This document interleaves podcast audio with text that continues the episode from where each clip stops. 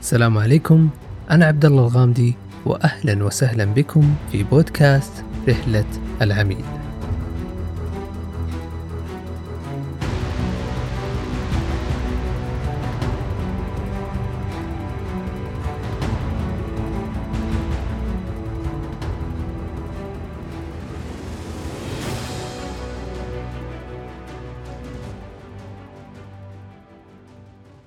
كلنا نحب أن يكون عندنا اختيارات. هذا الأمر يجعلنا نشعر بالحرية والاختيارات المتعددة عادة ما تجعلنا نشعر بنوع من أنواع الرفاهية. لكن الاختيارات الكثيرة ليست دائما أمر جيد. إذا وجدت أو وجدت نفسك أمام اختيارات كثيرة لدرجة أنه تجعلنا عاجزين عن اتخاذ أي قرار فهذا أمر طبيعي لأنه عدد الاختيارات لها تأثير مباشر على تجربة المستخدم. وهذا اللي يركز عليه قانون هيك اللي بنتكلم عنه اليوم. مثل ما هو الحال مع كل شيء له علاقة بتجربة المستخدم عدد الاختيارات الأمثل المقدم للناس يخضع لعدة قواعد محددة لضمان أفضل تجربة ممكنة. سواء كان تطبيق، جوال، متجر أو أي شيء يقدم اختيارات مختلفة. يجب أن يؤخذ قانون هيك في الحسبان. قبل ما نناقش التطبيقات المختلفة لهذا القانون تعالوا خلونا نتعرف عليه بصورة مبسطة. هذا القانون يدرس العلاقة بين عدد الاختيارات المطروحة أمام الشخص والوقت اللي يحتاجه لاتخاذ هذا القرار. تم وضع هذا القانون عام 1952 من قبل اثنين من العلماء. الأول اسمه ويليام أدموند هيك والثاني اسمه ري هيمون. ويمثل هذا القانون العلاقة بين عدد الاختيارات والعوامل المؤثرة على اتخاذ القرار والسرعة اللي يحتاجها الشخص لاتخاذها.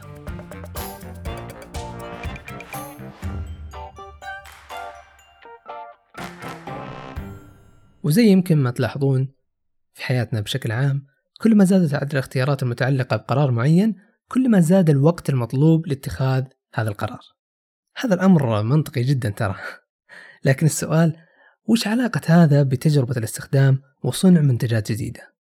الإجابة على هذا السؤال تكمن في تطبيقات قانون هيك واللي تهدف إلى جعل القرارات أسهل للمستخدم.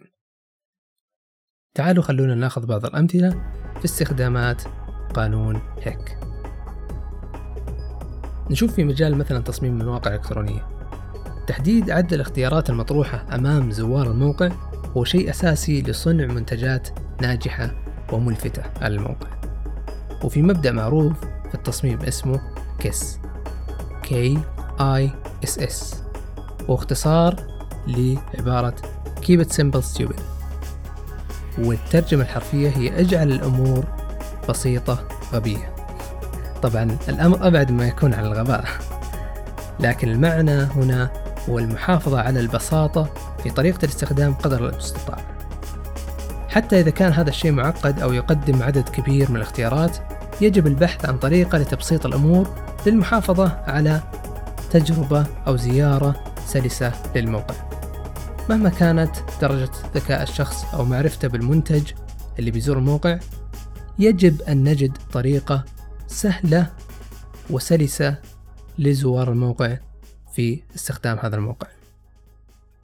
على سبيل المثال موقع أمازون هو أكبر موقع للتجارة الإلكترونية في العالم ويبيع عدد هائل من المنتجات المختلفة لمساعدة زوار الموقع على العثور على ما يريدونه بصورة تجعلها قابلة للتعامل معها أو التفاعل. تقوم أمازون حاليا بتقسيم المنتجات إلى أقسام مختلفة وهذا اللي سهل ترى عملية البحث والاختيار والوصول للمنتج اللي نبحث عنه. ناخذ مثال ثاني مثلا في تصميم الألعاب الإلكترونية. معظم الألعاب اللي موجودة الآن أبعد ما تكون عن البساطة الصراحة. فيها عوالم وفيها استكشافات وفيها تحديات آه، اختبارات كثيرة داخل اللعبة. ولكن الألعاب اللي تجمع بين التسلية والبساطة عادة ما تصنع التاريخ. ولنا في في هذا المجال خير مثال في الألعاب اللي هي معروفة مثلا زي Pac-Man Super Mario أو حتى Flappy Bird و Angry Bird كل هذه الألعاب تجد أن البساطة والعدد المحدود من الاختيارات داخلها هي شيئين مشتركة بين كل هذه الألعاب اللي ذكرناها مؤخرا. بالرغم من بساطتها نجحت نجاح كبير وبشكل ملفت ولفترة طويلة. إذا شفنا مثلا لعبة سوبر ماريو الكلاسيكية تجد أنها تسمح للاعب بالتحرك في اتجاهين والقفز وأنت تستخدم ثلاثة أزرار فقط لتلعب هذه اللعبة. مع ذلك باعت النسخة الأصلية أكثر من 40 مليون نسخة واللي يجعلها من أفضل الألعاب مبيعا في التاريخ.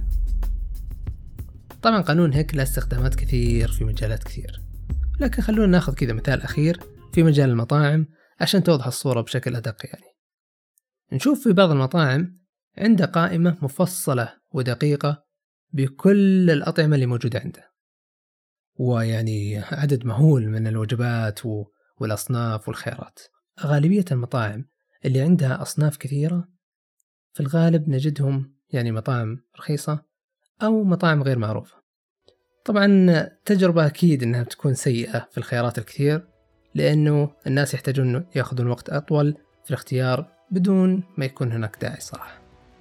لما يتعلق الأمر بصنع منتجات سهلة الاستخدام أو تقديم خدمة مميزة ونرغب أن الناس فعلا يحبونها البساطة هي شيء أساسي خاصة لما يتعلق الأمر بعدد الاختيارات لذلك لابد أن نستخدم قانون هيك عند تصميم أي منتج أو تقديم خدمة نرغب بأنها توصل للعميل بطريقة ملائمة ومميزة وممتعة. في ختام هذه الحلقة أحب أن أذكر أن هذا البودكاست لكم أنتم.